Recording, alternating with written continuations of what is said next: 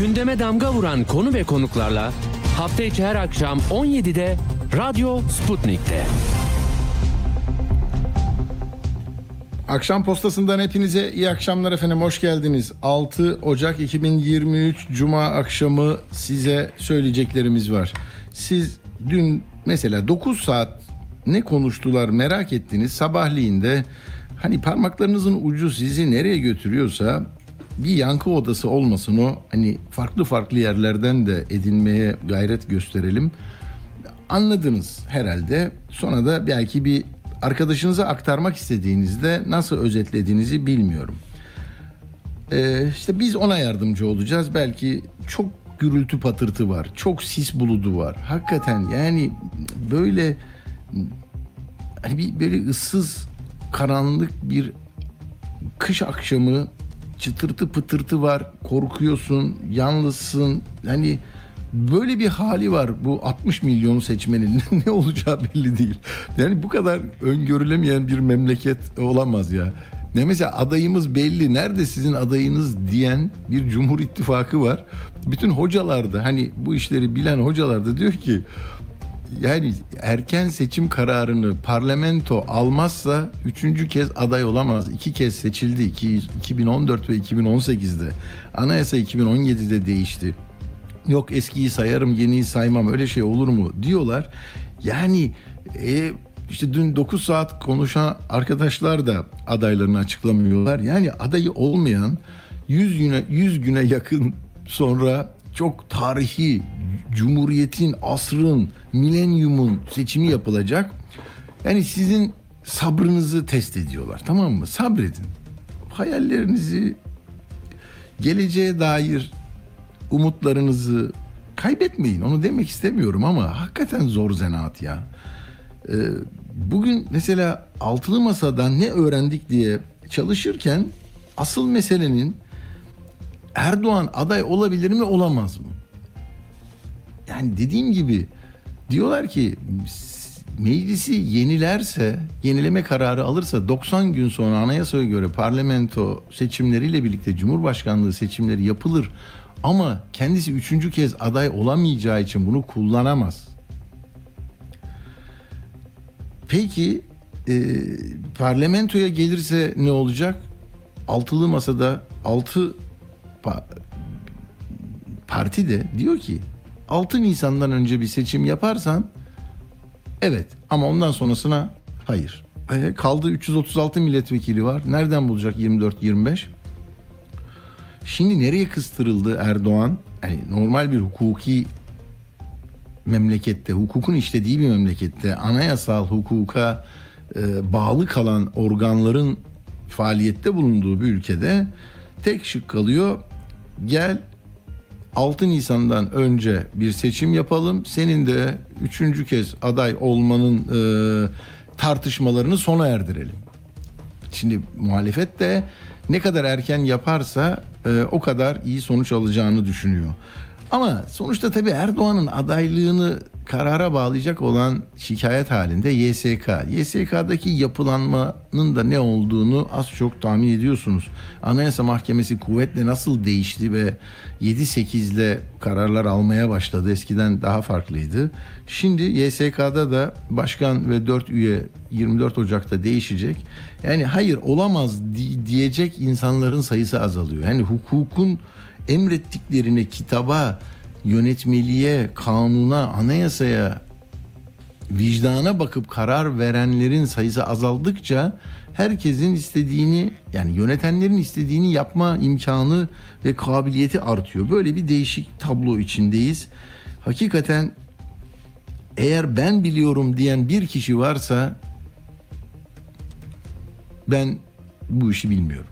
Yani Erdoğan dahil önümüzdeki bu e, 100 günün nasıl seyredeceğini, nasıl e, bir muhtemel sonuçları olacağını hani masadan duvardan hani bir yansımayla yapsanız projeksiyon makinesinde senaryoları koysanız yetmez yani hayal gücünüz yetmez. Onun için siz sakin olun.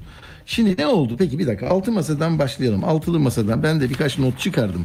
Yani bir koalisyon ilanı arkadaşlar. Biz bak bizle çok uğraşıyorsunuz. Biz böyle gideceğiz. Tamam benim anladığım bu. Yani içimizi dışımızı çok kurcaladınız ama bizim yol haritamız böyle. Devam edeceğiz. Ortak ilkeler metnini de 26'sında toplanacağız. 30'unda da açıklayacağız. Artık adayları konuşmaya başlıyoruz bugünden itibaren. Bu çok önemli. 18 Haziran'da ısrar ediyoruz. Onun dışında e, 6 Nisan'dan sonrasına red, red. Yani ya 18 Haziran'da gününde yapılsın ya da 6 Nisan'dan önce erken seçimse de böyle olsun. Şimdi çünkü 18 Haziran'da da Erdoğan aday olamıyor. Onun için yani herkes hukukun içinde kendince okuduklarından e, söz ediyor. Erdoğan da ya HDP'ye gidecek bu eksikliğini tamamlamak için erken seçim yapacaksa e sen orada masanın altında arıyordun. Şimdi git bakalım 26 oy almak için nasıl bir pazarlık yapacaksın? Yani meclisi feshetmek diye bir şey yok, yenilemek var. Onu da tekrar söylemek lazım. Orada da aday olamıyor diyorlar. İlleri tek tek çalışacaklar. Hani bak Afyon'da sen iyisin, seni böyle yapalım. Biz geçen sefer 17 fazla aldık diye iddia ediyorlar. Seçim yasasını değiştirdiler. Çünkü bizim artık altılı ya da kaçlı olursa ittifakta e, seçmen e, oy pusulasında hani toplanmayacak artık. Mesela İyi Parti'nin artık oyuyla CHP'ninki birleşip 17 fazla milletvekili çıkardı diyor e, Erdoğan. Onun için düzenleme yaptı. Artık herkesinki ayrı sayılacak, toplanmayacak. Do- Dolayısıyla ne yaparız da yaparız, biz yine avantajlı oluruzu çalışıyorlar. Bu da önemli. Sandık güvenliği çok önemli. Sandık güvenliği ile ilgili nasıl olacak? Yani şimdi HDP'yi kapatırlarsa mesela HDP'nin güçlü olduğu bölgede bu partilerin esamesi okunmuyor. Kim gidecek? Seçim kurullarının oluşturduğu sandık kurullarında HDP'nin e, temsilcisi oradaki şeyini gözetleme, denetleme işini yapamayacağı için kim verecek? Yani orada İyi Parti Cizre'nin bilmem Cudi'nin eteklerindeki yere yollayacak mı? CHP'nin de adamı yok orada. Nasıl olacak o işler?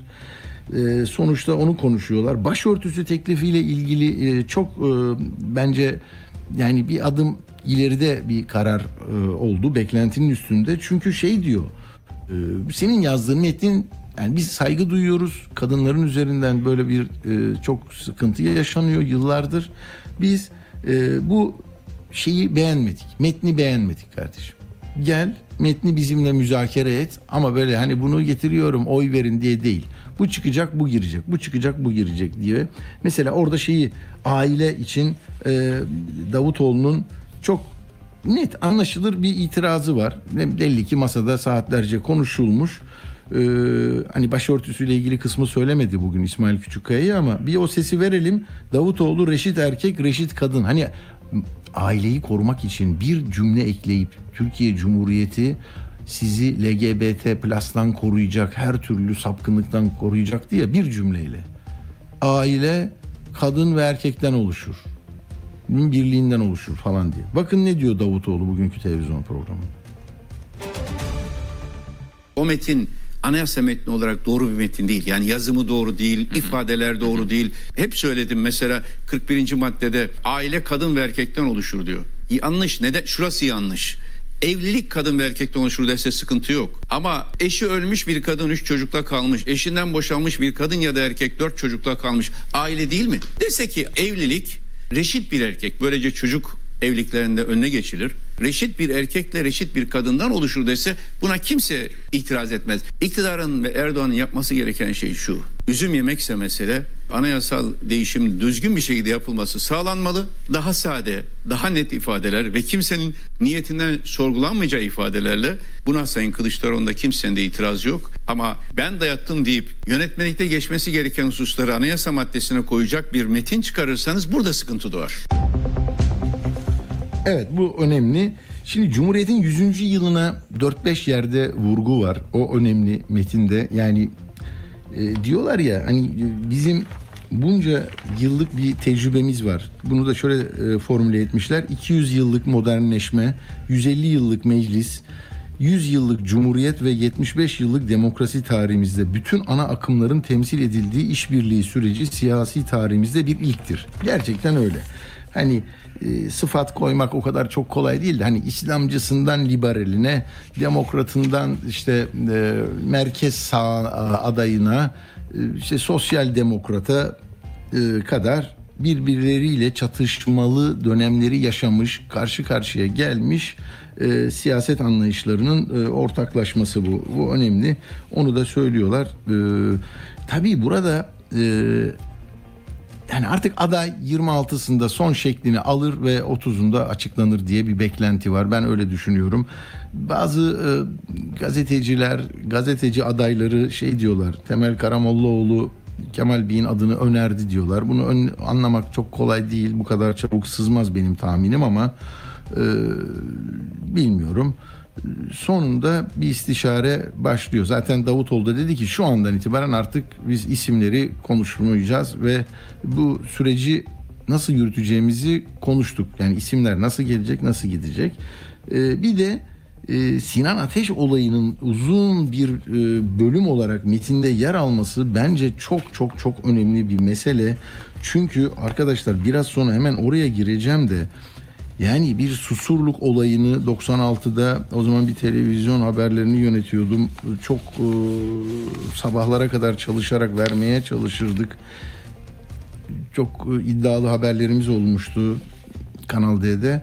Şimdi şunu diyeceğim. e, bu mesele de iki özel harekatçının yer alması, Ankara'da yeraltı dünyası ile ilişkili birileri, Milliyetçi Hareket Partisi İstanbul İl Yöneticisi içinde aranan bir e, şey e, gül suyunda vatandaşı öldürüp kaybolan bir mahkum.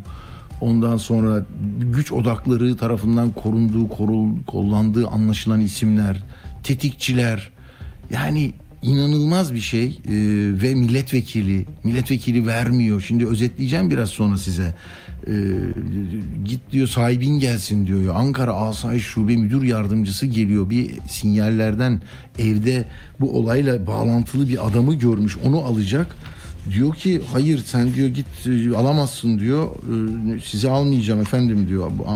Bu, arkadaşı alacağım alamazsın. Sen git sahibin gelsin diyor ya. Bakın hani bu pervasızlığı e, hakikaten Türkiye hak etmiyor. Yani olacak şey değil. Tolgahan Demirbaş'ı alıyorlar sonra da yine bir baskıyla 8 saat sonra bırakıyorlar. Ama bunların hepsi bakın hepsi ortaya çıkar. Hepsi ortaya çıkar. Böyle bu kadar kolay değil yani. Orada hep diyorum ya hani kapı gibi bir adam dünya görüşü ne olursa olsun hepimizin buna bir çığlık çığlığa bağırmamız lazım. Ee, hiç ama iyi ki altı lider bunu uzun uzun konuşmuşlar. Hatta metnin sonunda da çok kuvvetli ifadelerle gördüm bunu. Siz de görmüşsünüzdür. Bu cürümleri işleyenlerin onların arkasındaki güçlerin hak ettikleri cezaları almasının takipçisi olacağız diyor. Kimse ülkemizi her kesimden gençlerin feda edildiği 70'li yılların karanlıklarına da 80'li yılların darbeci 12 Eylül şartlarına da 90'lı yılların faili meçhullerine de geri götüremeyecektir. Şimdi bu e, Sinan Ateş mesajı çok kuvvetli. Altılı Masa'da onu gördüm. Şimdi Kılıçdaroğlu da yeni bir tweet atmış. Bahçeli ne zamana kadar susacaksın? Mafyalarla fotoğraflar çektirmeye devam ederken yukarıdaki çocuklar, yanındaki çocuklar da mafyamacılık oynamaya başlar. Teslim edeceksin yanındaki çocukları. 3-5 torbacı ile geçiştiremezsin. Oo çok ağır. Çok ağır laflar e, yapmış Kılıçdaroğlu. Peki bu, bu buradan e, demek ki e, damarına basıldı ne olacak bilmiyoruz ama Olcay Kılavuz ismi burada çok kritik. Ne olacak? Yarın e, Bakanı ile Ankara Emniyeti ile e, arasındaki ilişkiler sonra bugün Alican Uludağ'ın haberi çok önemli. O da e, özel harekata gitmiş mesela ziyaret yapıyor onlarla fotoğraf.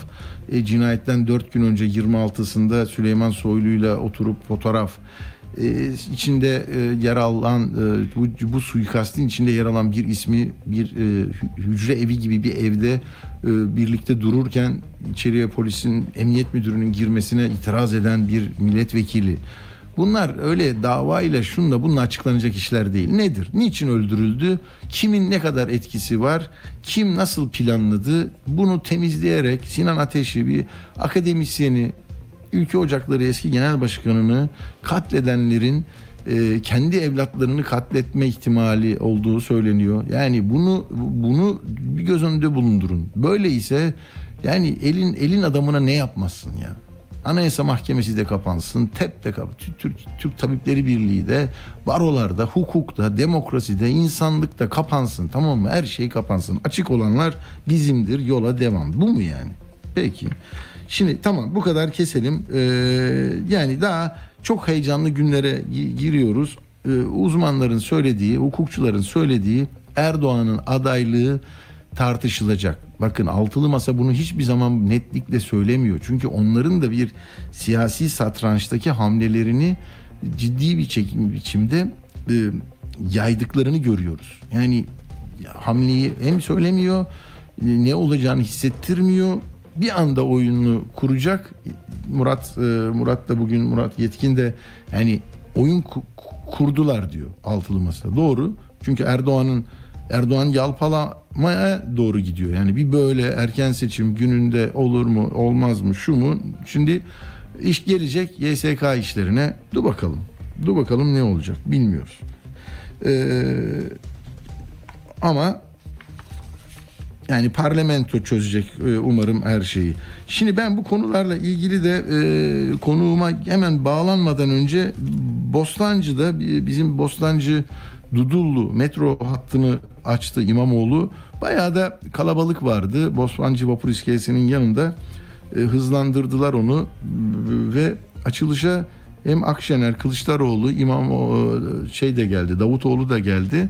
Ee, oradan küçük bir ses kesti arkadaşlar. Onu verelim. Bu bir şey hakikaten biz buradayız. Biz biz kendimizi m, güçlü hissediyoruz. Moralimiz iyi, motivasyonumuz iyi ve ne İstanbul'u kaybedeceğiz ne de bu seçimi kaybedeceğiz mesajını ortaklaşa veriyorlar.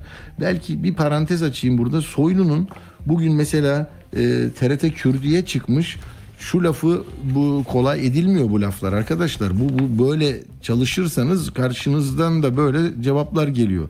Diyor ki e, şimdi kayyum atanacak, bugün atanacak, yarın atanacak, şöyle atanacak diyorlar. Bizim derdimiz kayyum atamak değil. Böyle bir derdimiz de yok zaten. Ya biz oraya terör unsuru koruyorsan o terör unsurundan orayı arındırmak için ya işimizi yapıyoruz. Gördün? Bak alırdım, götürürdüm bilmem ne. Hani e, gök kubbeyi yıkarımı anlattı, şunu dedi, bunu dedi ama sonuçta işte e, geri adım attırmak da önemlidir. E, insanları aklı selime davet etmek de önemlidir. Hadi bir dinliyoruz Bostancı'yı ondan sonra Profesör Emre Erdoğan hocama gideceğiz. Yahu ahmaklığa bakın ahmaklığa. 13.500 oy farkıyla seçilmiş bir belediye başkanıyla 805 bin farkla seçilmiş bir belediye başkanının gücü arasındaki farkı fark etmeyen ahmaklara bakın. Ondan sonra da ahmaklıklara ahmaklık denildiği zaman kızıyorlar. Hadi benim dokunulmazlığım yok ben de ahmak dedim. Bekleriz buyur birader.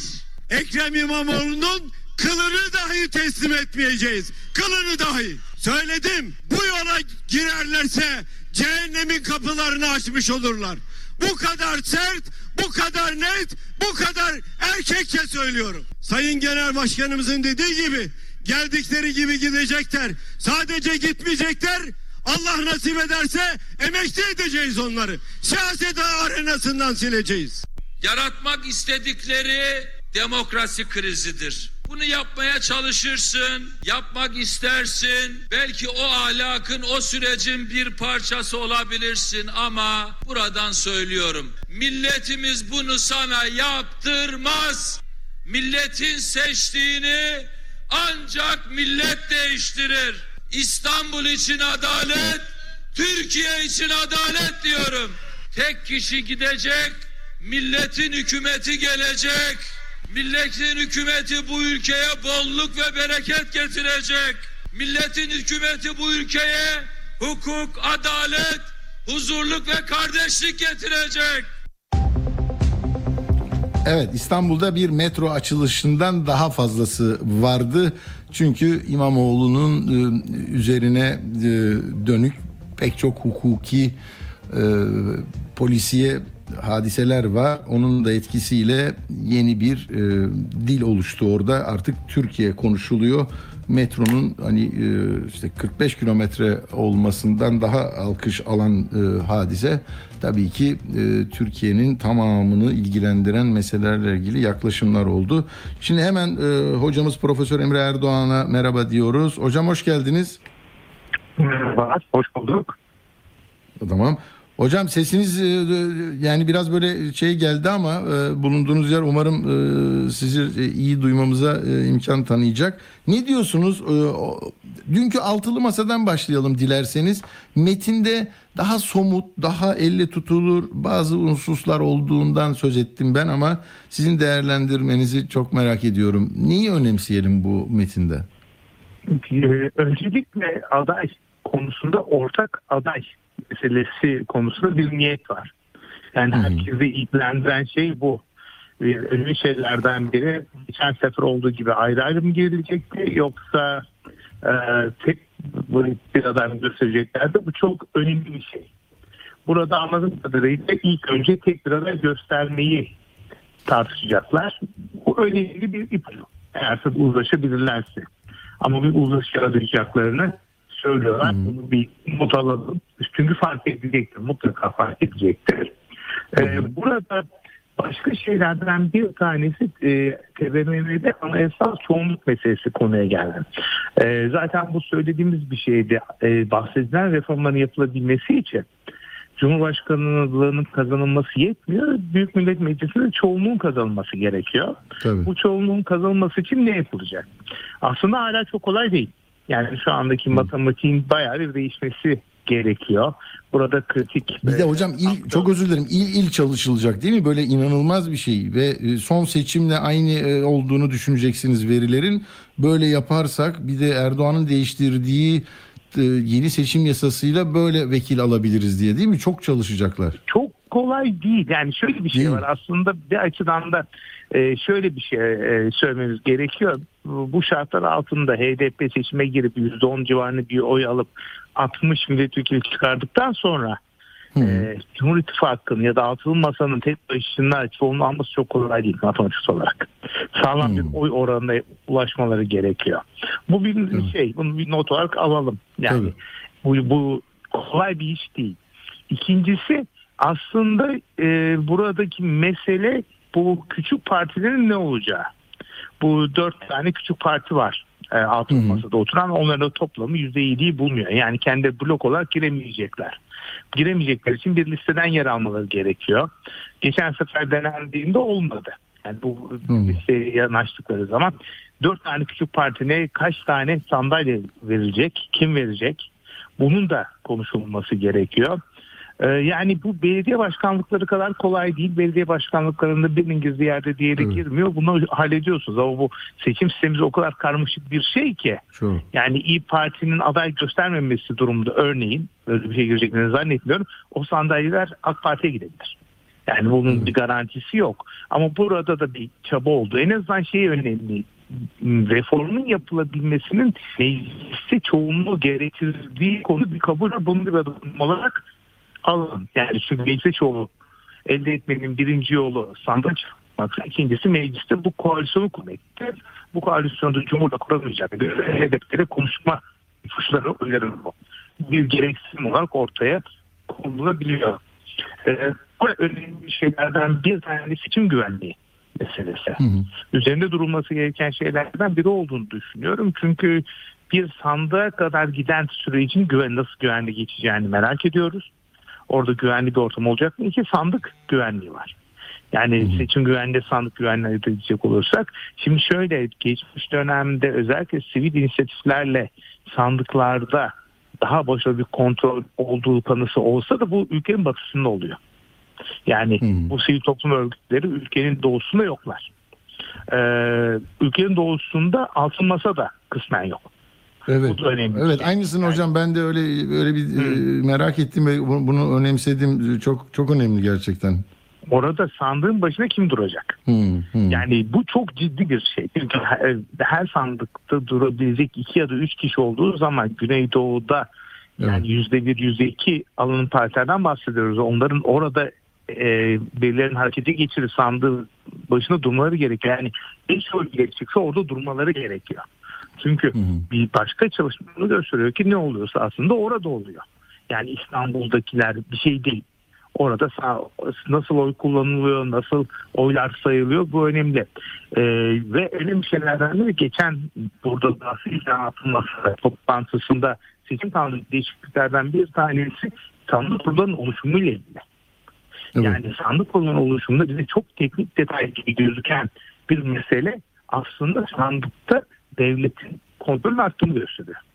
Yani Hmm. oradaki devlet memurlarından atılacak, onlar arasından kurayla seçilecek vesaire vesaire. Bu yapılan bir şey. Geçmişte de sandık kurulunun oluşumunda her parti bir aday gösteriyordu ve bazı bu adaylar reddedilebiliyordu. Reddedilen adayların yerine kurayla geliyor. Dolayısıyla diyelim HDP birilerini öneriyor. Çiziyorlar üstüne kurayla öğretmen geliyor şimdi. Hı. Bundan bahsediyoruz. Evet, yani anladım. Sandık güvenliği ne olacak? Yani Hı hı. bu konuda sandık güvenliği ve seçim güvenliği meselesi çok önemli. Geçen sefer kaldılar. Yani sistemleri çalışmak. Alternatif bir sistem geliştirmişlerdi hatırlarsınız. Evet, evet. Bu, bu lüks yok. Bu Yok. şey öyle de olmaz. Referandumda 2 milyon e, damla soy sayıldı demekle de olmuyor. Onu ispatlayabilmek, peşine onu, e, durabilmek gerekiyor. Çünkü 2 milyon oy bu ülkenin kaderini değiştirebilir. Dolayısıyla bu önemli bir şey gibi geldi. Benim yani bilim Hı, açısından ilgimi çektiğini söyleyeyim. E, genel olarak yani buradaki şeylere çok da e, bu Nisan tarihini açıkçası ben e, ne Ha, o çok tartışıldı bilemedim. hocam. 6 Evet. Nisan'dan önce olursa evet deriz. O da şöyle dendi. Aa üçüncü kez aday olamayacak bir e, şeye Cumhurbaşkanına siz bu yolu açıyorsunuz diye dün gece öyle tartışmalar vardı. Şimdi Cumhurbaşkanı aday olabilmesi için hala anayasa çerçevesinde 116. madde var. 116. madde meclisin kendi kendini feshetmesi ve bunun sonucunda da ikinci kez Cumhurbaşkanlığı yapmak olan bir kişinin bir daha aday olabilmesi. Aslında mantıklı. Çok kötü bir şey değil. Hı. Düşündüğünüz zaman düşünün. İkinci kez birisini seçiyorsunuz. iki gün olmuş. Meclis kendisini feshediyor. Adamdan kurtuluyor. Bu kabul edilecek bir şey değil. İyi düşünmüşler. Ama şimdi iki yöntem var ya anayasa çerçevesinde bu iş yapılacak. Recep Tayyip Erdoğan Cumhurbaşkanımız bir aday olabilmesi için meclisin kendisini feshetmesini bekleyecek ya da anayasa zorlanacak. Anayasanın zorlanmasını hiçbirimiz istemeyiz. Yani ne kadar kötü olsa anayasa olabilir. Öteki tarafta bunun için diyorlar ki 6 Nisan'dan önceye ko- soruya koyarsanız olmaz. Hı. Ee, peki diyelim koydu. 14 Mayıs geldi. Ne diyecek? Biz erken seçim istemiyoruz mu diyecek. Atılmazsa. Destek vermeyecekler 360 için. O zaman ne olacak hocam? Yani HDP de vermezse Ee, Erdoğan yenileme kararı alacak deniyor. aday olamaz anayasa zorlaması lazım. Hmm. Erdoğan yeni, Erdoğan yenilerse aday olması anayasa çerçevesinde mümkün değil. Tabii tabii. Anayasanın zorlanması gerekiyor. Zorlanır adaylığını koyar YSK'da aday olabilir derler. O zaman tamam yani. Böyle bir değil. Her zaman böyle bir tarife var kenarda. Yani yazılı hukuk kurallarından, anayasal hükümlerden ayrı bir de böyle e, şeyler oluyor, yorumlar ben yapıyoruz. zorlamayacağını düşünüyor ve umuyorum. Anayasal Hı. kurallara. Hani böyle bir şekilde o an geldiğinde bunu seçmeni izah edebilecek mi? Sandık diyordunuz. Hı. Sandık neredesiniz dese. Ne diyecekler? Değil mi? Yani ben bunu çok şey görüyorum. Yani gereksiz bir detay olarak Detay. görüyorum. Bu hani Anladım. şampiyonluk yolunda yürürken başka takım offside'dan gol yedi mi yemedi mi meselesi yani kendi oyunlarına Doğru. baksalar daha doğru olabilir. Heh, orada nereye odaklanmayı e, sağlık veriyorsunuz hocam? Burada şöyle anladığım kadarıyla biraz ortalığı sakinleştiriyorlar. Yani Hmm. e, altın masa içerisinde adayın kim olacağına dair bir anlaşmazlık henüz yok. Yok. Olsa bile kendi aramızda çözeriz gibi bir şey veriyorlar. Bu iyi bir şey. Yani hangi açıdan iyi bir şey? Çünkü birbirlerine karşı kampanya yapmaya başladı. Bu kabul bir şey değil. Yani Hmm. e, Kılıçdaroğlu'na karşı kampanya yapılıyordu. Birileri Kılıçdaroğlu ekibinden birileri İmamoğlu'na karşı kampanya yapıyordu. Evet, evet. E, Ali Babacan yüzde bir oyuyla ben Cumhurbaşkanı olabilirim diyordu. Ya bu, buna gerek yok. Yani şu anda istenen yani soğukkanlı gitmeye çalışıyorlar. Yavaş gitmeye çalışıyorlar. E, yavaş gitsinler. Yani bizim heyecanımız çok önemli değil şu aşamada. Çünkü seçim kararı aldığı, alındığı gün kimse aday beğenmeyip taraf değiştirmeyecektir diye düşünüyorum. Yani şu anda öyle bir seçim atmosferine girmiş durumdayız. Bunun hani Bursi göz alınabilir. Yani önemli. Seçim de önemli. seçim güvenliği konuşulması ya da geçiş sürecin A ve B, B planları ve C planı. Yani A planı çoğunluğu alır geçerler. B planı HDP'nin desteği alır geçerler. E, C planı ne? Diyelim geçilemedi. Bu ülke ne kadar Cumhurbaşkanlığıyla. Bir notta gördüm Davutoğlu Cumhurbaşkanı'yla aynı imza yetkisine sahip olacağız diyor. Evet bunu sabahleyin şeyde söyledi e, hocam e, İsmail Küçükkaya da söyledi. Hatta e, şöyle bir ifadesi var tam e, söyleyeyim o şaşırtıcı. Genel başkanlar her stratejik kararda Cumhurbaşkanı kadar imza yetkisine sahip olacak. Böyle bir ifade var. Anayasa olarak olmaz o iş. Değil mi? Anayasa olarak mümkün değil. Yani mülker Öyle bir centilmenlik anlaşmasının hukuki bir şey olabilir mi? Dayanağı da olamaz. Yani sanki fair play oynayacağız biz bak böyle yapalım dersiniz de. Centilmenlik anlaşması iyi niyet beyan ama diyelim şimdi Cumhurbaşkanı seçilmişsiniz %51 art, %56 bir oyla. Sorumluluk sizde. Ülkeyi bir yerden bir yere taşımak istiyorsunuz ve bir karar çıkartıyorsunuz. %1'lik parti başkanı itiraz ediyor. Hayır çıkarma. E ben %51 aldım. Yani ne, ne oluyor? Diyelim ki çıkardın ne yapacaksın? Güven verme şansı yok ki. Yani bu tamamen yani bunu ben gerçekten anlamak bazen zorlanıyorum. Zaten Cumhur İttifakı bunu söylüyor. Davulu başkasının boynuna asacaklar, tokmak başkasında olacak diyor. Ülke yönetimine hale gelecekti. Bunun altına bir imza atmanın mantığı ne ki? Bir imza atıyorsunuz. Ya. Cumhurbaşkanı bizim lafımızı dinleyecek. Yani Cumhurbaşkanlığının şu andaki yetkili kimsenin lafı dinlemesine gerek yok. Dinleyecek adamı seçmek ister mi vatandaş? Onu sormuşlar umarım. Ya ben bunun saha çalışması olduğunu umuyorum. Birine sordular herhalde. E, ya dediler biz böyle yöneteceğiz. Çok iyi fikir dedi o da. Ya, o yüzden söylüyorlar. Ya Cumhur İttifakı muhalefet ülkeyi yönetemez derken bunu söylemenin mantığını ben göremiyorum. Belki Değil mi? yönetemeyeceğiz. dedi. İmza atsalar da aslında. Evet yönetemiyoruz. Bu şekilde yönetemezler çünkü. Ekonomik kriz var. Her şey var. Yani bütün bu e, kastı aşan cümle diyeyim. Öyle olduğunu düşünüyorum çünkü sorunumuz o değil. Sorunumuz ülkenin iyi yönetilmesi ve halkın istediği bir tarafından iyi yönetilmesi. %51 almış bir kişinin %1 tarafından veto edilmesi e, kabul edilebilir bir şey değil ki. Değil? Hangi demokratik pratikte var? Sizin oyunuz 3 katı gelecek oraya oy verenlerin gücü ya da 10 katı ya 15 katı kadar güçlü olacak oraya oy verenler. Size hı kıyasla. Bu demokratik demokratik değil her şeye karşı her şeye beraber. Onu dediğim gibi metinde olmadığı için çok ciddiye de almayabiliriz. Yani onu çok net olarak görüyorum. Hala şey soruları var. Yani bu ülke nasıl yönetilecek? Yani diyelim Cumhurbaşkanı seçildi. Yani e, ne yapılacak ona dair bir şey yok. O geçiş süreci ne kadar sürecek bilini, bilinmiyor. Bizim söylediğimiz şey o.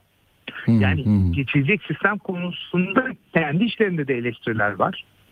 Yani bahsettiklerinin güçlendirilmiş parlamenter sistem olmadı, yarı başkanlık sistemi olduğunu söyleyen çok donanımlı hukukçular var.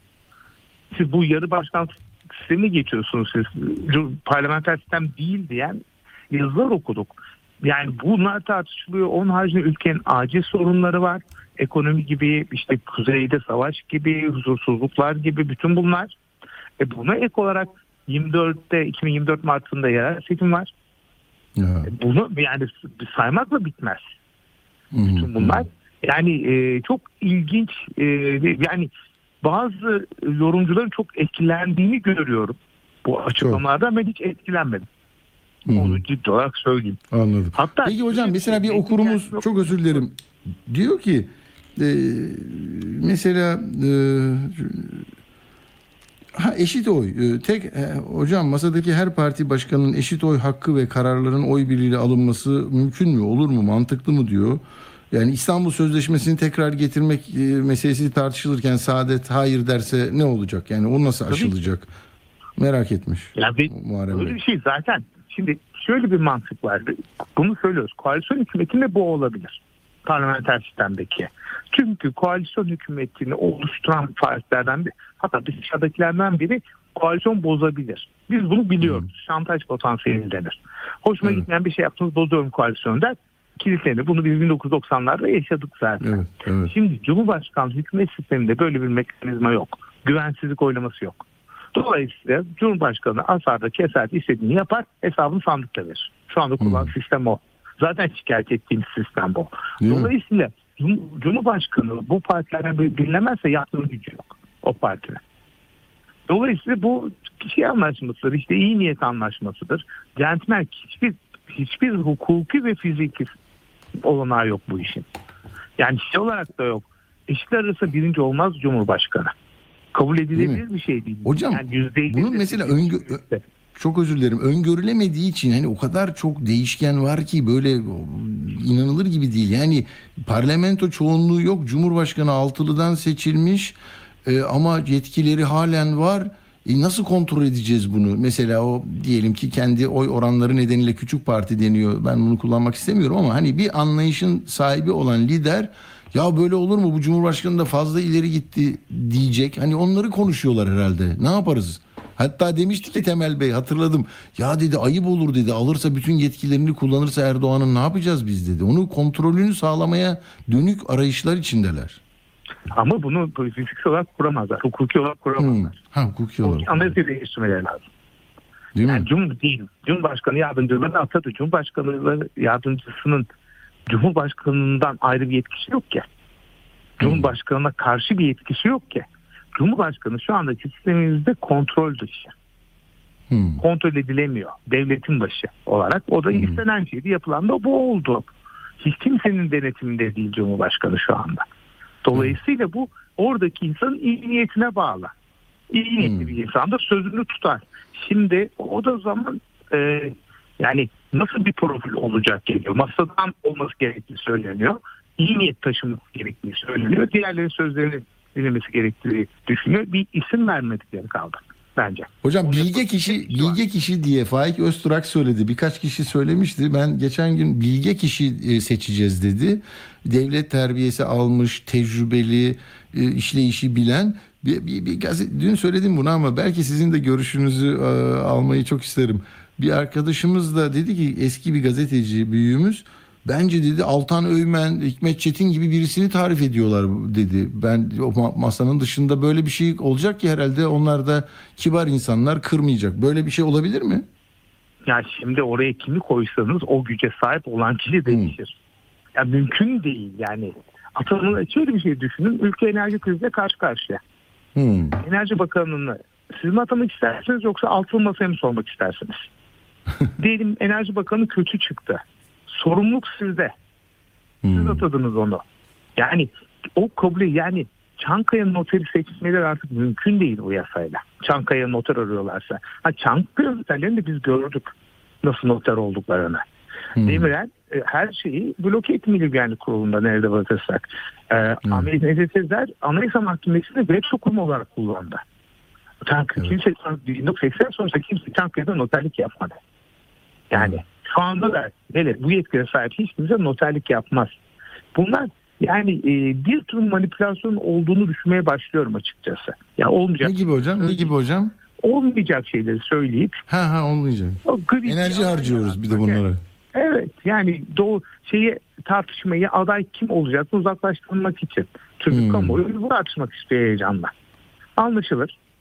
Ama burası onu tartışmak istemiyor. O da anlaşılır. Evet. Yani onların tartışmak istediği başka şeyler var. Bu, bu, bu çok anlık. Gerçek siyaset bunu gerektirir zaten. Değil mi? Zamanlama değil mi? O da önemli çünkü. Ne zaman neyi konuşacağız? E, kesinlikle şu anda benim en sonunda geldiğim nokta seçim satım haline girdiğimizde o kadar büyük kaynak farkı olacak ki Çok. o kaynağı 6 aya dağıt- dağıtmaktansa 2 aya dağıtmak çok kötü bir fikir gibi gözükmüyor bana.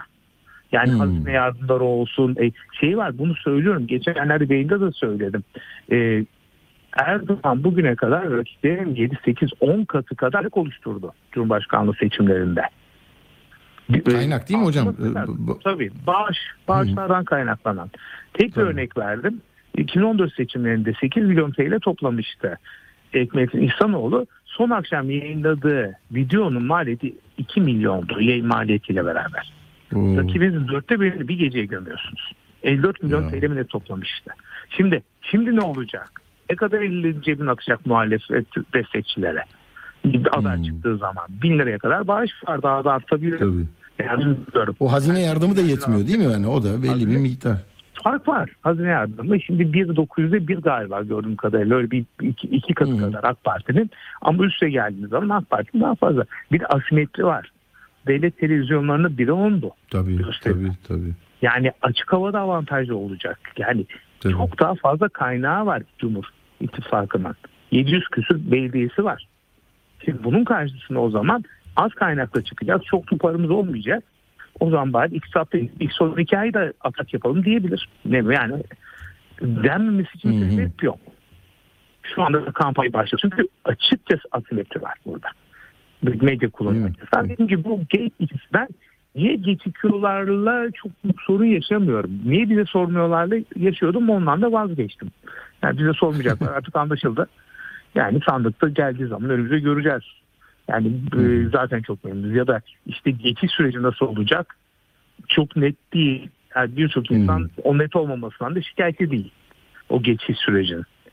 Yani Evet. dediğim gibi şu anda kamuoyu adaya kilitlenmiş durumda. Burada da başka öncelikler var. Haklı olarak hiç, hiç de haksız değiller. Zaten vatandaşın öncelikleriyle siyasetçinin önceliklerinin farklı olmasından geldik bugünlere.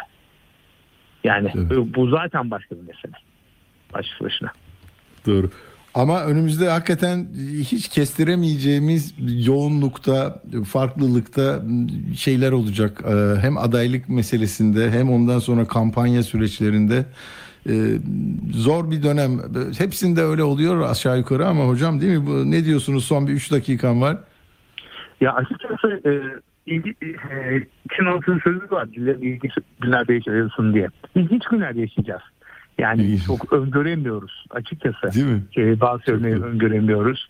E, kırıcı olmamak lazım. Hı. Süreci iyi yönetebilmek lazım. Demokrasi e, daha önemli. Yani seçmesi adam değil o demokrasi daha önemli ve tabii ki yani çok hassas bir bölgede, çok hassas bir ülkede yaşıyoruz. Var olan kırılmaların daha da artmaması çok önemli benim baktığım yerde. E, çünkü şöyle bir şey, bu seçim kazanılır da bir Hı. sonraki felaket olur. Böyle bir Hı. olasılık da var.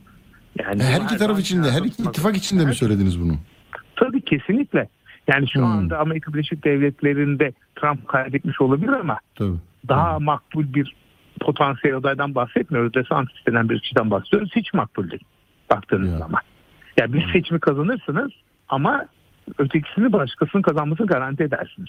Çok sert Hmm. seçimlerin böyle bir ne, olumsuz özelliği var ama sanmıyorum ne yazık ki çok sert geçecek bu seçimler. Peki. Ee, Profesör Emre Erdoğan hocamıza çok teşekkür ediyorum. Sağ olun. Çok e, verimli oldu hocam. E, çok seviyoruz sizi. Sağ olun. Çok çok teşekkür ederim. İyi çalışmalar. Kolay Sağ gelsin. olun. Sağ olun. Evet, e, hocamız hakikaten e, berrak bir şekilde tarif etti, yorumladı. E, sağ olsun.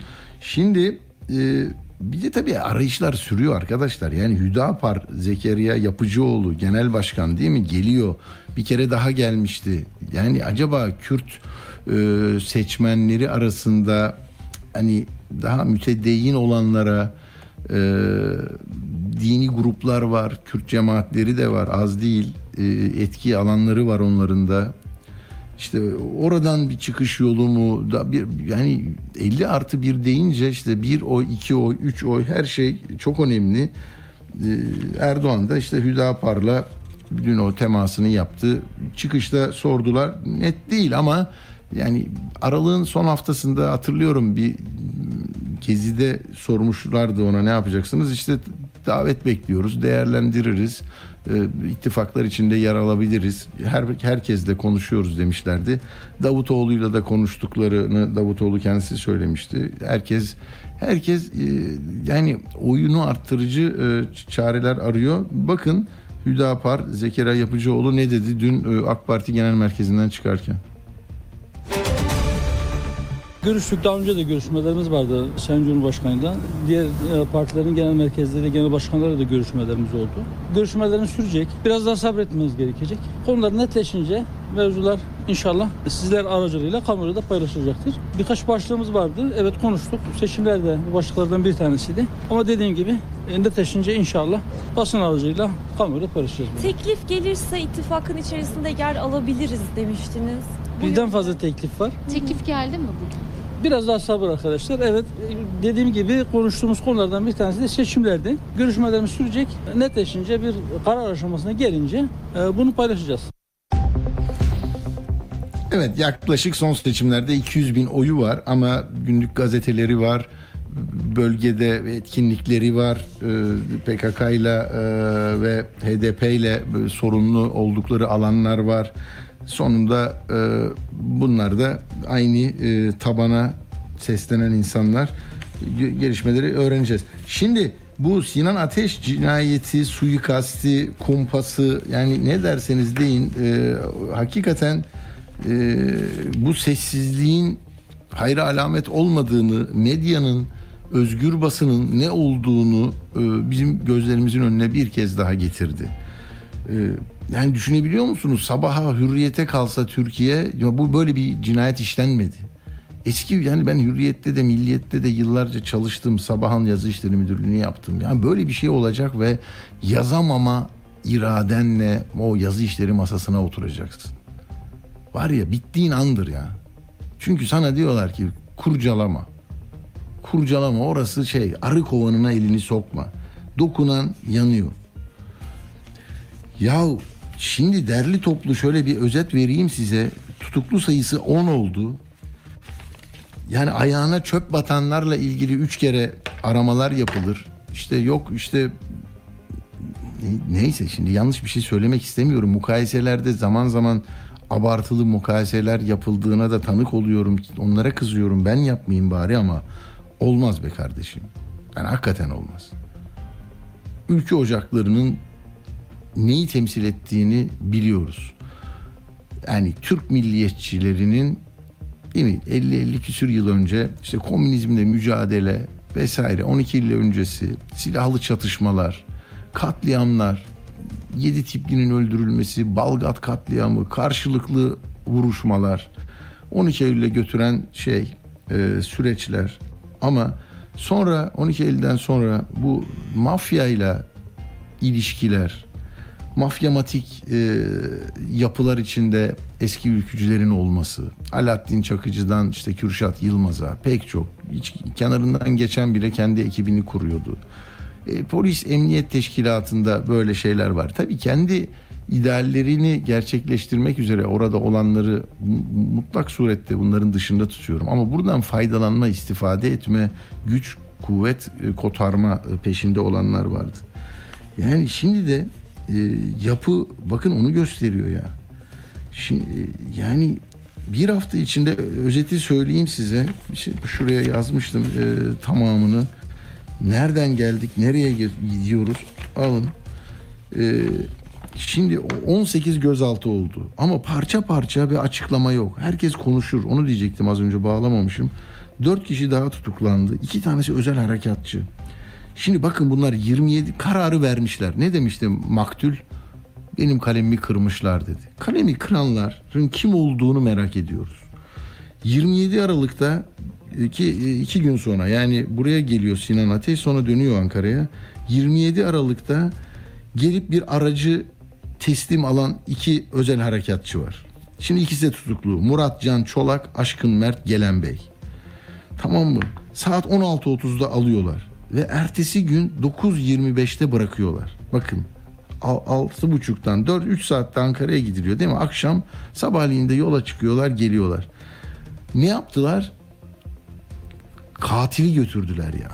Çakarlı araba dedikleri bu. Hani böyle üzerinde film var, cam mekanlar görünmüyor camın içi.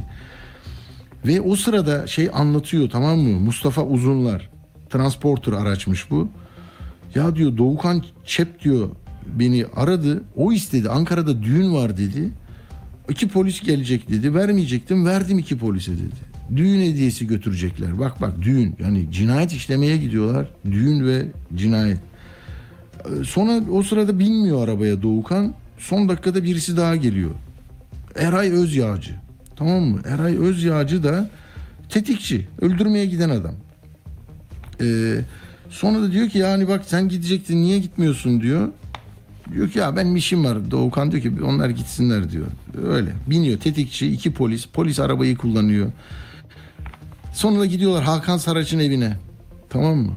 İçeride Zekeriya var, Suat var. Bunların hepsi tutuklu. O da diyor ki ya İstanbul'dan bir arkadaşım aradı. iki arkadaş gelecek Ankara'ya. Kalacak yerleri yok. Diyor, bak böyle bir safe house var tamam mı? Güvenli bir ev var.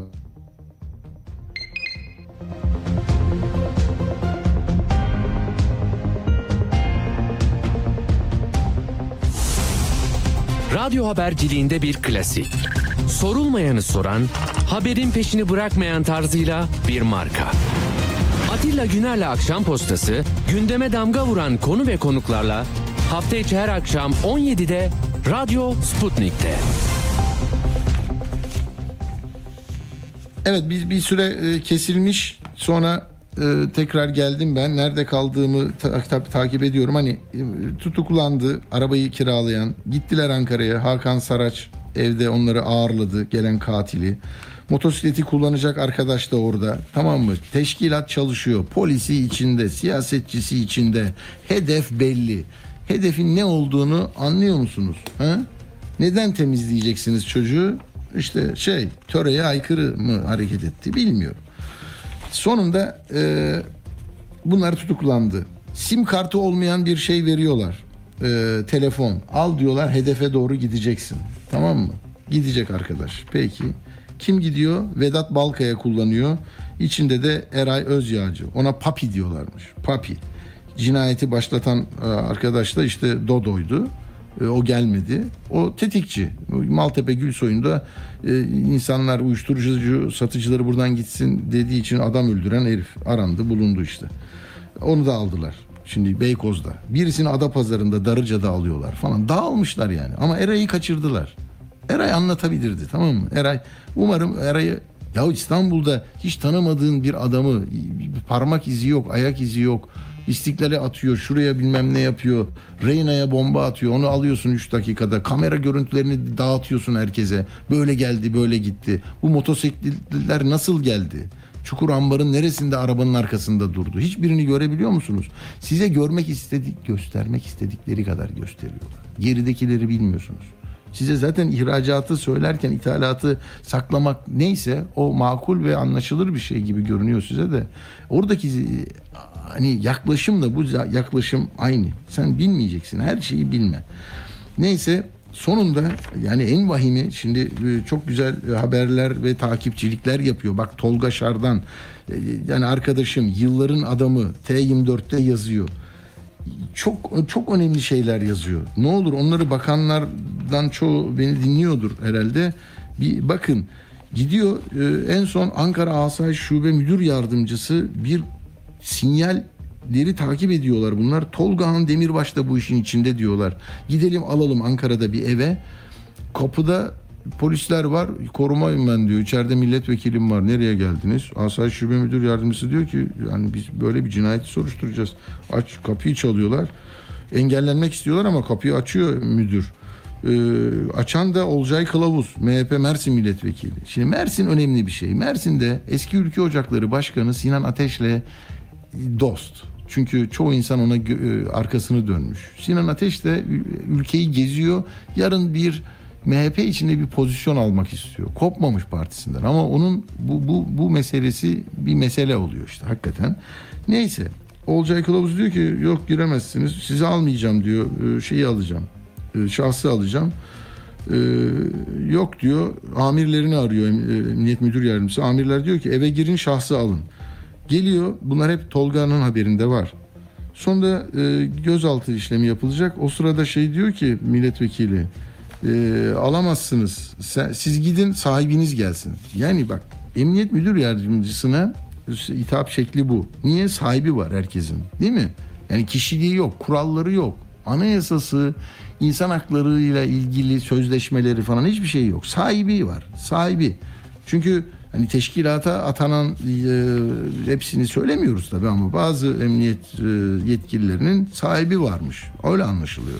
Bunun sahibini bilmiyor. Sahibini bilse arayacak bağlantıyla. Neyse kelepçeyle götürülüyor bu, alınıyor buradan ama dosyasına eksik bir şey yazıyorlar. Ee, Tolga çok güzel yakalamış. Diyor ki aynı diyor şey gibi. Ee, bu 12 Eylül'den sonra Adil Öksüz'ün firarı gibi. Eksik bir şey yazdılar diyor. Savcının önüne verdiler. Savcı da bırakın bunu dedi diyor.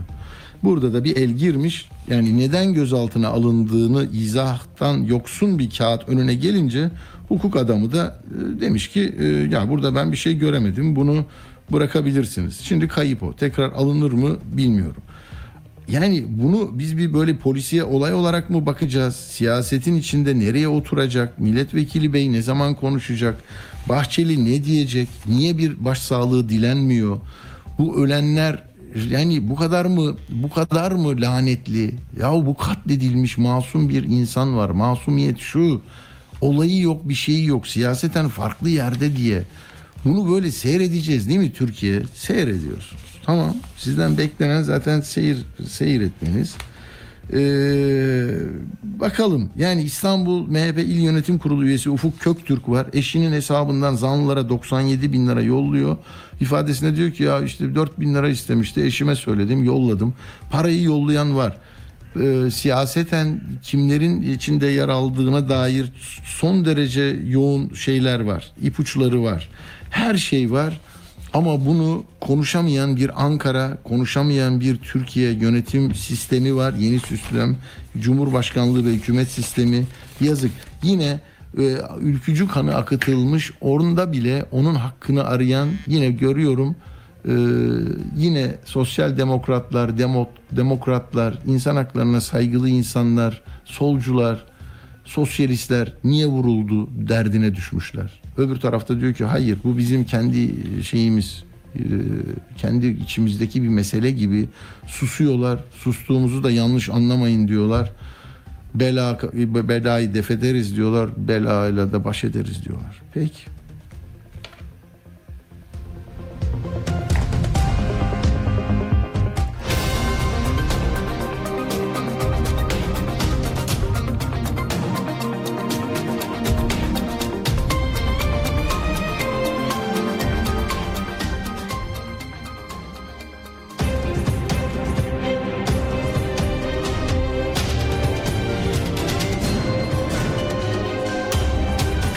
Sputnik. Anlatılmayanları anlatıyoruz. Radyo haberciliğinde bir klasik. Sorulmayanı soran, haberin peşini bırakmayan tarzıyla bir marka. Atilla Güner'le Akşam Postası, gündeme damga vuran konu ve konuklarla hafta içi her akşam 17'de Radyo Sputnik'te. Evet efendim geldik saat 18'e. 18'den itibaren sizi bu gerilim dolu Türkiye gündeminden ayrı bir yere taşımak istedik. Çünkü saat 18 ve biz Türkiye için e, bambaşka kulvarlarda e, değer üreten, e, memlekete, topluma katkı sunan insanlara zaman zaman yer veriyoruz biliyorsunuz. Şimdi de böyle bir e, tablo var ortada. Şu efendim Yöret Vakfı Türkiye'de 50. yılını kutluyor. Bu çok kıymetli bir şey. 1972'de kuruluyorsunuz ve e, sivil toplum o, kuruluşu olarak insanlığa hizmet ediyorsunuz. Ailelere, çocuklara, topluma ne yapıyorlar? Hem onları öğreneceğiz. Şimdi onların bir de etkinliği var. Ee, onlara destek olmak da e, istedim. Hatta şimdi hemen duyurayım konuğuma merhaba demeden. E, efendim 17 Ocak'ta Cemal Reşit Rey konser salonunda İstanbul'da bir konser var. Etkinlikleri 50. yıl etkinliğinde saat 21'de bulutsuzluk özlemi var. Başında da Sunay Akın özel performansı falan var ama bulutsuzluk özlemi e, ve Boğaziçi Korosu çok önemli. Oradan da e, çok teşekkür ediyoruz. 6 davetiye ayarladılar. Bizim dinleyenlerimizden seçeceğimiz İstanbul'da yaşayan 6 kişiye çift kişilik 3 davetiye yani. Eğer e, Telegram'dan bize e, takip ederseniz ve isminizi e, not ettirirseniz arkadaşlarım oradan e, bunu e, sağlayacaklar. Şimdi ben de e, bu durumda Sibel Hanım'a bir merhaba diyorum. Efendim hoş geldiniz. Sibel Erenel e, Vakfın Yönetim Kurulu Başkanı. E, önce tebrik ederim. 50 yıl bir, bir mesele üzerinde kalıcı olmak çok önemli. E, söyler misiniz Yöret Vakfı tam açılımı ve kapsama alanı ne? Niçin e, yola çıktınız ve bugün e, bu keyfi e, yaşarken neler becerdiniz kim bilir? Çok teşekkürler. Öncelikle güzel programınızda bize yer açtığınız için çok teşekkürler. Dinleyicileri de buradan selamlıyorum. E, Yöret e, açılımı 1972'de e, kuruldu, kurulduğundaki açılımı e, yüksek öğrenimde rehberliği tanıtma ve rehber yetiştirme vakfı. E, ve e, 1972'de kurucumuz sevgili Bilge Koloğlu o, dönemki gençlik e, olaylarını hepimiz biliriz. E, şiddetin toplumda çok yaygın olduğu Evet. bir e, zamanda e, bunu dert edinip bunu çare e, arayarak aslında gençlerle daha güzel bir Türkiye hayal etmiş ve bunun içinde e, psikososyal ve kültürel açıdan gelişmiş demokratik ilkeleri benimseyen, öz değeri yüksek ve ruh sağlığı e, yerinde e, gençlerin, toplumun genç liderleri olarak e, demokratik ve sağlıklı bir toplum yaratmada etkili olacağını ve e, şiddeti de bu noktada hayır diyebilecek e, bir e, gençliğin yetişebileceğini düşünerek bu vakfı kuruyor. Ama düşünebilirsiniz hani neden e, psikolojik danışmanlık? Çünkü yurt dışında da ziyaretleri olup incelediğinde özellikle üniversitelerde e, psikolojik danışmanlık rehberlik birimlerinin öğrencilere psikososyal kültürel anlamda rehber olabildiğini ve bu e, mesleğin de hem okullarda yani çocukları çok erken yaşta yakalayarak e, hem e, üniversitelerde e, ve alanda e, aslında e, şiddetin önlenmesi, barışçıl iletişimin de e, yaratılmasında ve de ruh sağlığının güçlenmesinde e, çarpan etkisi yaratan bir e, meslek grubu olarak da düşündüğü için ilk önce çalışmalar aslında 72 e, 80'li yıllarda üniversitelerde yer almış.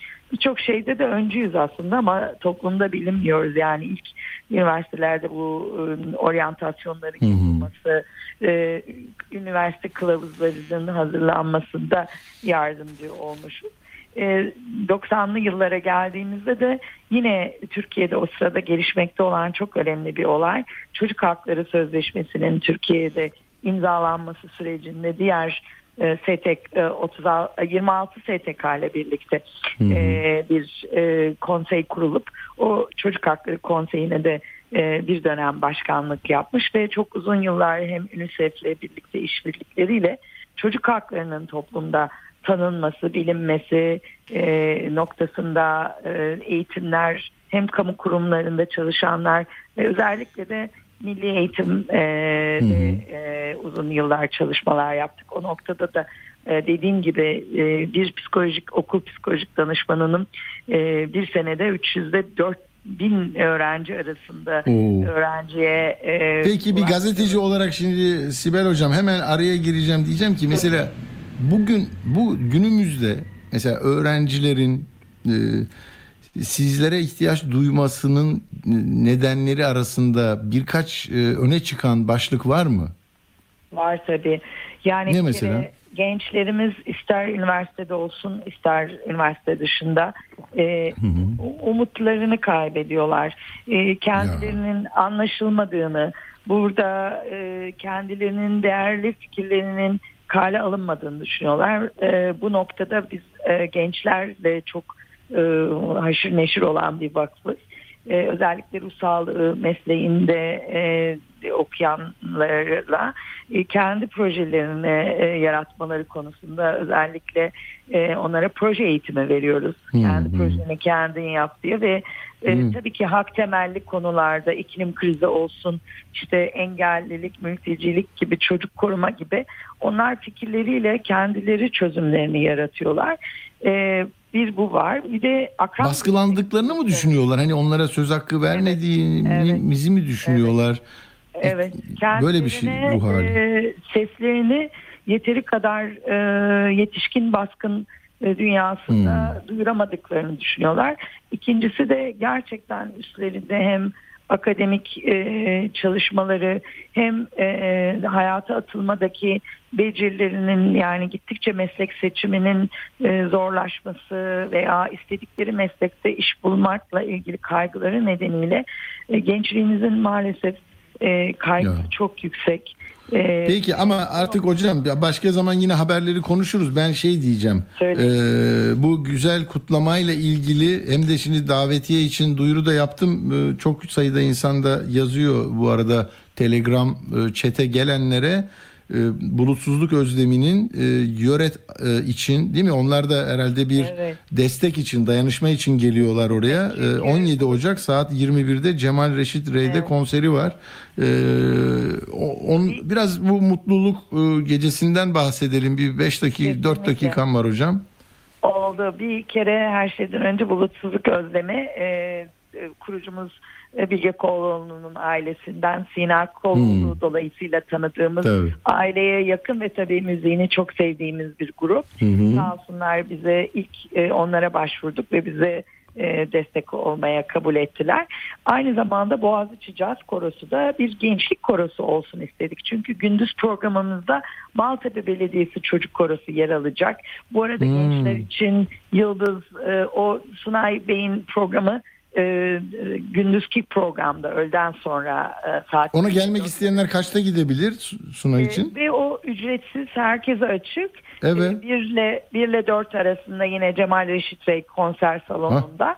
E, Bakın Sunay Akın'ı da her zaman bulamazsınız. Yani e, Aynen, bu iyi aynen. bir şey. O da destek için Aynen. gidiyor.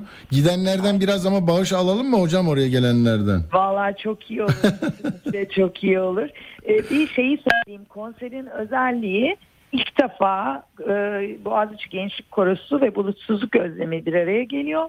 Ve Bulutsuzluk Özlemi'nin e, bir özellikle bir parçasını Kore'ye uyarlanacak ve e, yani koronun ayrı e, söylediği parça olduğu gibi konserin sonunda da birlikte sahne alacaklar. Çok Bu güzel. defa yapılan bir şey ve tabii ki Boğaziçi Gençlik Korusu da kendisi de bizim gibi barışçıl iletişime e, gönül vermiş bir grup. İşte zaten bulutsuzluk özleminin de e, biliyorsunuz bütün e, felsefesini. Onun için onların e, ruhuyla bizim ruhumuz da çok birleşti. Çok özel Çok bir güzel. gece olacak müzikseverler için. Gündüz programında da ondan e, yarıma kadar bizim e, çalışmalarımızı anlattığımız bir kısım var. Bir de Sunay Akın sağ olsun e, bizi kırmadı geliyor. E, bir buçukta Maltepe Belediyesi Çocuk Korosu. Daha sonra Yıldız Hacı Evliya Cüceloğlu da gençlerin seçimler ve e, gelecek konusunda konuşacak. Ve sonra da barış e, temelli gençlik ve çocuk çalışmalarıyla ilgili bir panelimiz var. Sonra da Tabii. işte Bu dokuzda Biletix'ten e, mesela konser için bilet alanlar da size katkı sunmuş olacak değil mi çalışmalarınıza? Öyle bir Tabii yönü de var. Yani tabii ki yani bilet alındığında Biletix ve Paso'dan e, o e, masraflar çıktıktan sonra umuyoruz Tabii. ki bir e, gelir olacak ve onu da e, işte e, Yine gençler için kullanacaksınız. Çünkü sizde Aynen. kaynak bulmakta kolay değil. Nerelere ne kaynaklar gidiyor da siz e, ıskalanmış e, vakıflardan olabilirsiniz. Onun Aynen için. Aynen duyarlı Kendi olanlara e, bunu da.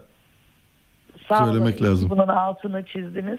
Biz şimdiye kadar yüksek gönüllü çalışma, e, az kaynaklı çok işler yapmış. ya e, kendi yanında kavrulmuş bir vakıfız. Onun için de belki de sadece hani çocuk hakları alanı, ruh sağlığı alanında hani özellikle biliniyoruz eğitim alanında. Belki hani herkes bizi bilmiyor ama e, bir kampanyamız da devam ediyor hala. E, barışçıl toplum kampanyamızın sembolü de rüzgar gülü. Onun için diliyorum ki geldiğinizde de katılımcılar da katıldığında e, barışçıl bir toplum için e, bütün çabalarımız. çok güzel. O zaman tebrik ediyoruz. Biz Yöret Vakfı'nın 50. yılını meraklısı e, lütfen sitesine girsin. Nasıl çalıştıklarını görsün. Konseri de e, hem hem müzik keyfi yaşayın hem de gençlere e, en çok ihtiyacımız olan desteği sağlayan e, bu ekibe bir katkı sunma fırsatını ele geçirin diyorum.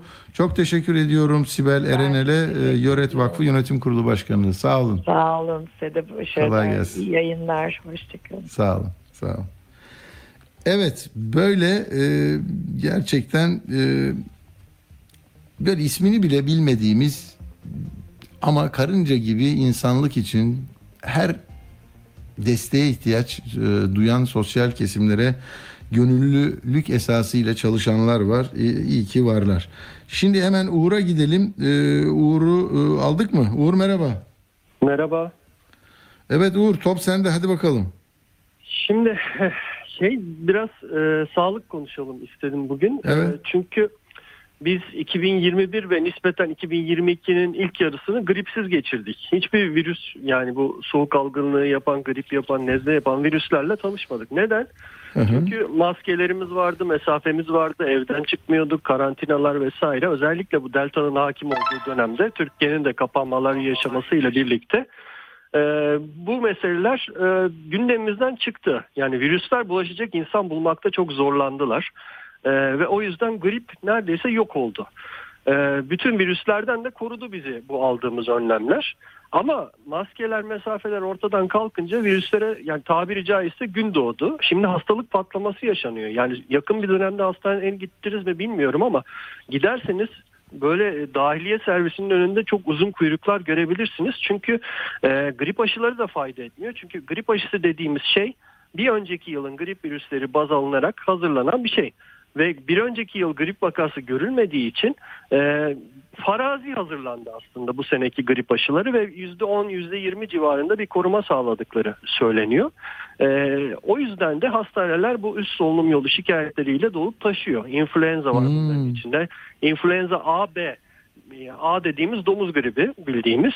B de çocuklarda oluyor e, genelde. O biraz daha hafif geçiyor. Rinovirüs var, RSV var, Covid var hala e, ortada.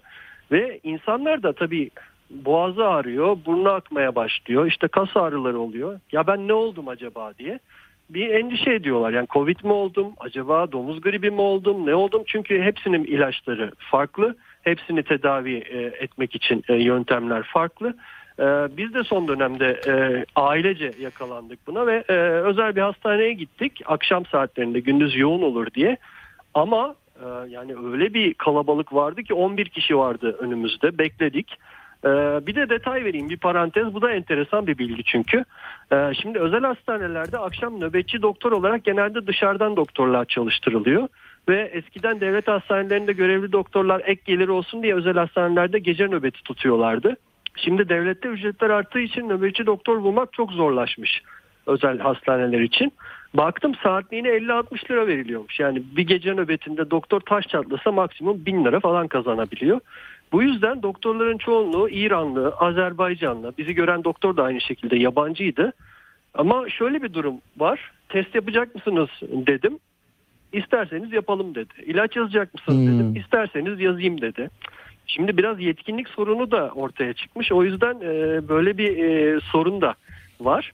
E, ama ne peki hastalığım diye düşünecek olursanız, soracak olursanız Sağlık Bakanı'nın bir açıklaması var. Hastalığın %6.2'si Covid diyor. Yani e, eğer boğazınız ağrıyorsa, ateşiniz varsa, işte e, burnunuz akıyorsa vesaire Covid olma olasılığınız çok düşük. Çünkü artık e, işte aşılar, toplumsal bağışıklık vesaire derken e, influenza'nın yani domuz gribi ve diğer e, grip türlerinin biraz daha şeyinin oranının arttığını e, görüyoruz. Yani biraz belirtilere bakarak e, kendiniz de e, karar verebilirsiniz ne olduğunu. Mesela influenza dışındakilerde ateş görülmüyor. Influenza domuz gribinde ateş de var. Gibi gibi. E, Ama sadece bu Türkiye'ye has bir durum değil. E, şimdi dünyada da buna e, triple demik deniyor. Yani üçlü salgın deniyor. İşte RSV, Covid ve grip virüsünün bir arada olduğu ve e, çok yoğun bir şekilde görüldü ki Belçika, Almanya ve Slovakya resmi olarak ülkelerde grip sal- salgını yaşandığını e, duyurdu ve hastane yüklerinin çok arttığını e, söyledi. O yüzden bu son dönemde biraz dikkatli olmakta fayda var. Uzmanlar da birkaç yerde gördüm gazetelerde de konuşmuşlar. Yani bu en azından toplu taşımada ve kalabalık ortamlarda bu maskelerden vazgeçmeyin e, diyorlar. Bir şekilde yani sırf Covid için değil artık grip virüsü için de e, biraz maskeye başvurmak e, gerekebilir bir süre için en azından. Çünkü e, ağır bir grip sezonu bizi bekliyor hatta başladı da diyebiliriz. Peki Covid tamamen yok oldu mu dünyada? Yani dünyada çok hafifledi ama dünyanın tek bir ülkesinde acayip bir Covid krizi yaşanıyor. O da Çin. Aslında Covid'in başlangıç noktası Wuhan'da ortaya çıkmıştı 2019'da. Ondan sonra Çin e, sıfır vaka politikasını uyguladı ve e, virüsten e, büyük oranda kendini ayırt etmeyi başardı. E, Ama çok baskıcı yöntemlerle yaptı bunu tabii. İnsanları e, kilitleyip apartmanları karantinaya almalar, polis şiddeti vesaire derken e, sürekli test zorunluluğu e, öyle bir bunaldı ki Çinliler işte sokağa çıktılar son birkaç ayda. E, Hatta Başkan Xi'nin istifasını istediler ve onlar da sonuçta bu sıfır vaka politikasından vazgeçmek zorunda kaldılar. Ama vazgeçtikten sonra öyle bir vaka e, patlaması yaşanıyor ki 20 milyon Çinli bir haftada e, bir anda e, şeye yakalandı, Covid'e yakalandı ki bu omikron varyantı. E, Şimdi e, Çinliler e, büyük bir yoğunluk yaşıyorlar. Hastanelerde, acil servislerde, ilaçların fiyatı kara borsada 9 katına çıkmış. E, Yani e, Çin o deltayı atlatmayı başarmıştı ama şimdi dünyanın geri kalanından farklı Hmm. olarak çok yoğun bir şekilde Covid yaşıyor. E, İşin kötü tarafı şu yani bize yönelik bir tehlikesi olabilir mi? Olabilir çünkü Hindistan böyle bir yoğunluk yaşadığı zaman e, delta varyantı ortaya çıkmıştı. Yani e, virüs çok fazla kişiye bulaştığı zaman onlardan bir tanesinin vücudunda bile tehlikeli bir değişime uğrarsa yeni bir tehlikeli varyantın ortaya çıkma ihtimali yükseliyor. E, Çin'de de tabii milyonlarca insana bir anda bulaşınca bu ihtimal var. E, Çin'den tekrar dünyaya tehlikeli bir varyant yayılabilir mi? Yayılabilir. Uzmanlar bunu düşük ihtimal olarak görüyor ama böyle bir risk her zaman var maalesef. E, Peki. bunun dışında tabii son olarak derbiyi söyleyeyim kısa. Ee, son e, şimdi pazar günü saat 19'da Kadıköy'de oynanacak. Son 10 derbide Fenerbahçe maç 3-1 kazanacak. e, son 6 10 derbide 6 karşılaşma berabere bitmiş. İkişer kez Fenerbahçe ile Galatasaray kazanmış. Çok fazla kırmızı kart çıkıyor. Son 57 maçta 43 kırmızı kart çıkmış. Yine çıkabilir. İddiaya göre favori Fenerbahçe. E, 2.05 oranı var Galatasaray'ın. 3.16 var beraberlik. E, 3.43 gözüküyor. E, Halil Umut Veler dün söylediğim gibi favori hakemdi. O atandı. E, son iki ayda üçüncü derbisini yönetecek. E, Fenerbahçe de çok enteresan bir koreografi hazırlayacakmış. Galatasaray'ı çok kızdıracak bir koreografi olduğu söyleniyor. Bakalım ne olacak. Peki teşekkürler Uğur'cum sağ olasın. İyi hafta sonları diliyorum. Fenerbahçe'ye de başarılar diliyorum. E, centilmence oynasın Galatasaray deplasmana geldiği için. Şimdi bir de e, nutuk var ama nutuktan önce şeyi söyleyeyim. Bu bi- biletlerle ilgili davetiye ile ilgili Arda bana bir isim yo- yolladı. E, yani üç e, dinleyenimiz e, Oğuz Al- Altay, Serkan Yıldırım, Hüseyin Olgun Elma. E, bu e, yöretin şey için konseri için davetiyelerini ulaştıracağız. E, bir de yedek olmasını istiyoruz. Olur ya bir sıkıntı olursa bir isim bildirirseniz ona bakarız. Evet ben iyi hafta sonları dileyeceğim. Cumhuriyet'in 100. yıl dönümünde Nutuk'tan parçalar okumaya devam ediyoruz. Şimdi de e, Osmanlı'nın e, o tarihteki durumunu e, kurtuluş çarelerini tartıştığı bölüm karşınızda Mehtap e, arkadaşımızın güzel sesiyle. Hepinize iyi akşamlar efendim. Hoşçakalın. Cumhuriyet 100 yaşında. Daha zamanda daha büyük işler başaracağız. Bu işlerin en büyük temeli Türk kahramanlığı ve yüksek Türk kültürü olan Türkiye Cumhuriyeti'dir. Cumhuriyet 100 yaşında. Müfettişlik görevimin geniş yetkileri. Benim bu iki kol orduya doğrudan doğruya emir ve komuta vermekten daha ileri bir yetkim vardı ki, müfettişlik bölgesine yakın olan askeri birliklere de tebligat yapabilecektim. Aynı şekilde bölgemde bulunan ve bölgeme komşu olan illere de tebligatta bulunabilecektim. Bu yetkiye göre Ankara'da bulunan 20. Kolordu ve bunun bağlı bulunduğu müfettişlikle Diyarbakır'daki kolorduyla ve hemen hemen Anadolu'nun bütün sivil yönetim amirleriyle ilişkiler kurabilecek ve yazışmalar yapabilecektim.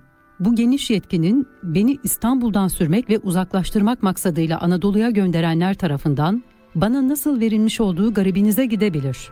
Hemen ifade etmeliyim ki onlar bu yetkiyi bana bilerek ve anlayarak vermediler. Ne pahasına olursa olsun benim İstanbul'dan uzaklaşmamı isteyenlerin buldukları gerekçe Samsun ve dolaylarındaki güvensizlik olaylarını yerinde görüp tedbir almak üzere Samsun'a kadar gitmekti. Ben bu görevin yerine getirilmesinin bir makam ve yetki sahibi olmaya bağlı bulunduğunu ileri sürdüm. Bunda hiçbir sakınca görmediler. O tarihte genel kurmayda bulunan ve benim maksadımı bir dereceye kadar sezmiş olan kimselerle görüştüm. Müfettişlik görevini buldular, yetki konusuyla ilgili talimatı da ben kendim yazdırdım. Hatta Harbiye Nazırı olan Şakir Paşa bu talimatı okuduktan sonra imzalamaya çekinmiş, anlaşılır anlaşılmaz bir biçimde mührünü basmıştır. Genel durumdan dar bir çerçeve içinden görünüşü. Bu açıklamalardan sonra genel durumu daha dar bir çerçeve içine alarak çabucak ve kolayca hep birlikte gözden geçirelim. Düşman devletler Osmanlı devlet ve memleketine karşı maddi ve manevi saldırıya geçmişler, onu yok etmeye ve paylaşmaya karar vermişler. Padişah ve halife olan zat, hayat ve rahatını kurtarabilecek çareden başka bir şey düşünmüyor. Hükümeti de aynı durumda. Farkında olmadığı halde başsız kalmış olan millet, karanlıklar ve belirsizlikler içinde olup bitecekleri beklemekte. Felaketin dehşet ve ağırlığını kavramaya başlayanlar, bulundukları çevreye ve alabildikleri etkilere göre kendilerince kurtuluş çaresi saydıkları tedbirlere başvurmakta. Ordu, ismi var, cismi yok bir durumda. Komutanlar ve subaylar, Birinci Dünya Savaşı'nın bunca çile ve güçlükleriyle yorgun, vatanın parçalanmış olduğunu görmekle yürekleri kan ağlıyor, gözleri önünde derinleşen karanlık felaket uçurumu kenarında beyinleri bir çare, kurtuluş çaresi aramakla meşgul. Burada pek önemli olan bir noktayı da belirtmeli ve açıklamalıyım. Millet ve ordu, padişah ve halifenin hainliğinden haberdar olmadığı gibi o makama ve o makamda bulunana karşı asırların kökleştirdiği din ve gelenek, bağları dolayısıyla da içten gelerek boyun eğmekte ve sadık. Millet ve ordu bir yandan kurtuluş çaresi düşünürken, bir yandan da yüzyıllardır süregelen bu alışkanlık dolayısıyla kendinden önce yüce hilafet ve saltanat makamının kurtarılmasını ve dokunulmazlığını düşünüyor. Halifesiz ve padişahsız kurtuluşun anlamını kavrama yeteneğinde değil. Bu inanca aykırı bir düşünce ve görüş ileri süreceklerin vay haline. Derhal dinsiz, vatansız, hain ve istenmeyen kişi olur. Diğer önemli bir noktayı da belirtmek gerekir. Kurtuluş çaresi ararken İngiltere, Fransa, İtalya gibi büyük devletleri gücendirmemek temel ilke olarak kabul edilmekteydi. Bu devletlerden yalnız biriyle bile başa çıkılamayacağı kuruntusu hemen bütün kafalarda yer etmişti. Osmanlı Devleti'nin yanında koskoca Almanya, Avusturya, Macaristan varken hepsini birden yenip yerlere seren itilaf kuvvetleri karşısında yeniden onlarla çatışmaya varabilecek durumlara girmekten daha büyük mantıksızlık ve akılsızlık olamazdı. Bu zihniyette olan yalnız halk değildi. Özellikle seçkin ve aydın denen insanlar böyle düşünüyordu. O halde kurtuluş çaresi ararken iki şey söz konusu olmayacaktı. Önce itilaf devletlerine karşı düşmanca tavır alınmayacak, sonra padişah ve halifeye canla başla bağlı ve sadık kalmak temel şart olacaktı. Atatürk'ün nutkunu okumayı kaldığımız yerden sürdüreceğiz. Cumhuriyet 100 yaşında. Atilla Güner'le Akşam Postası sona erdi.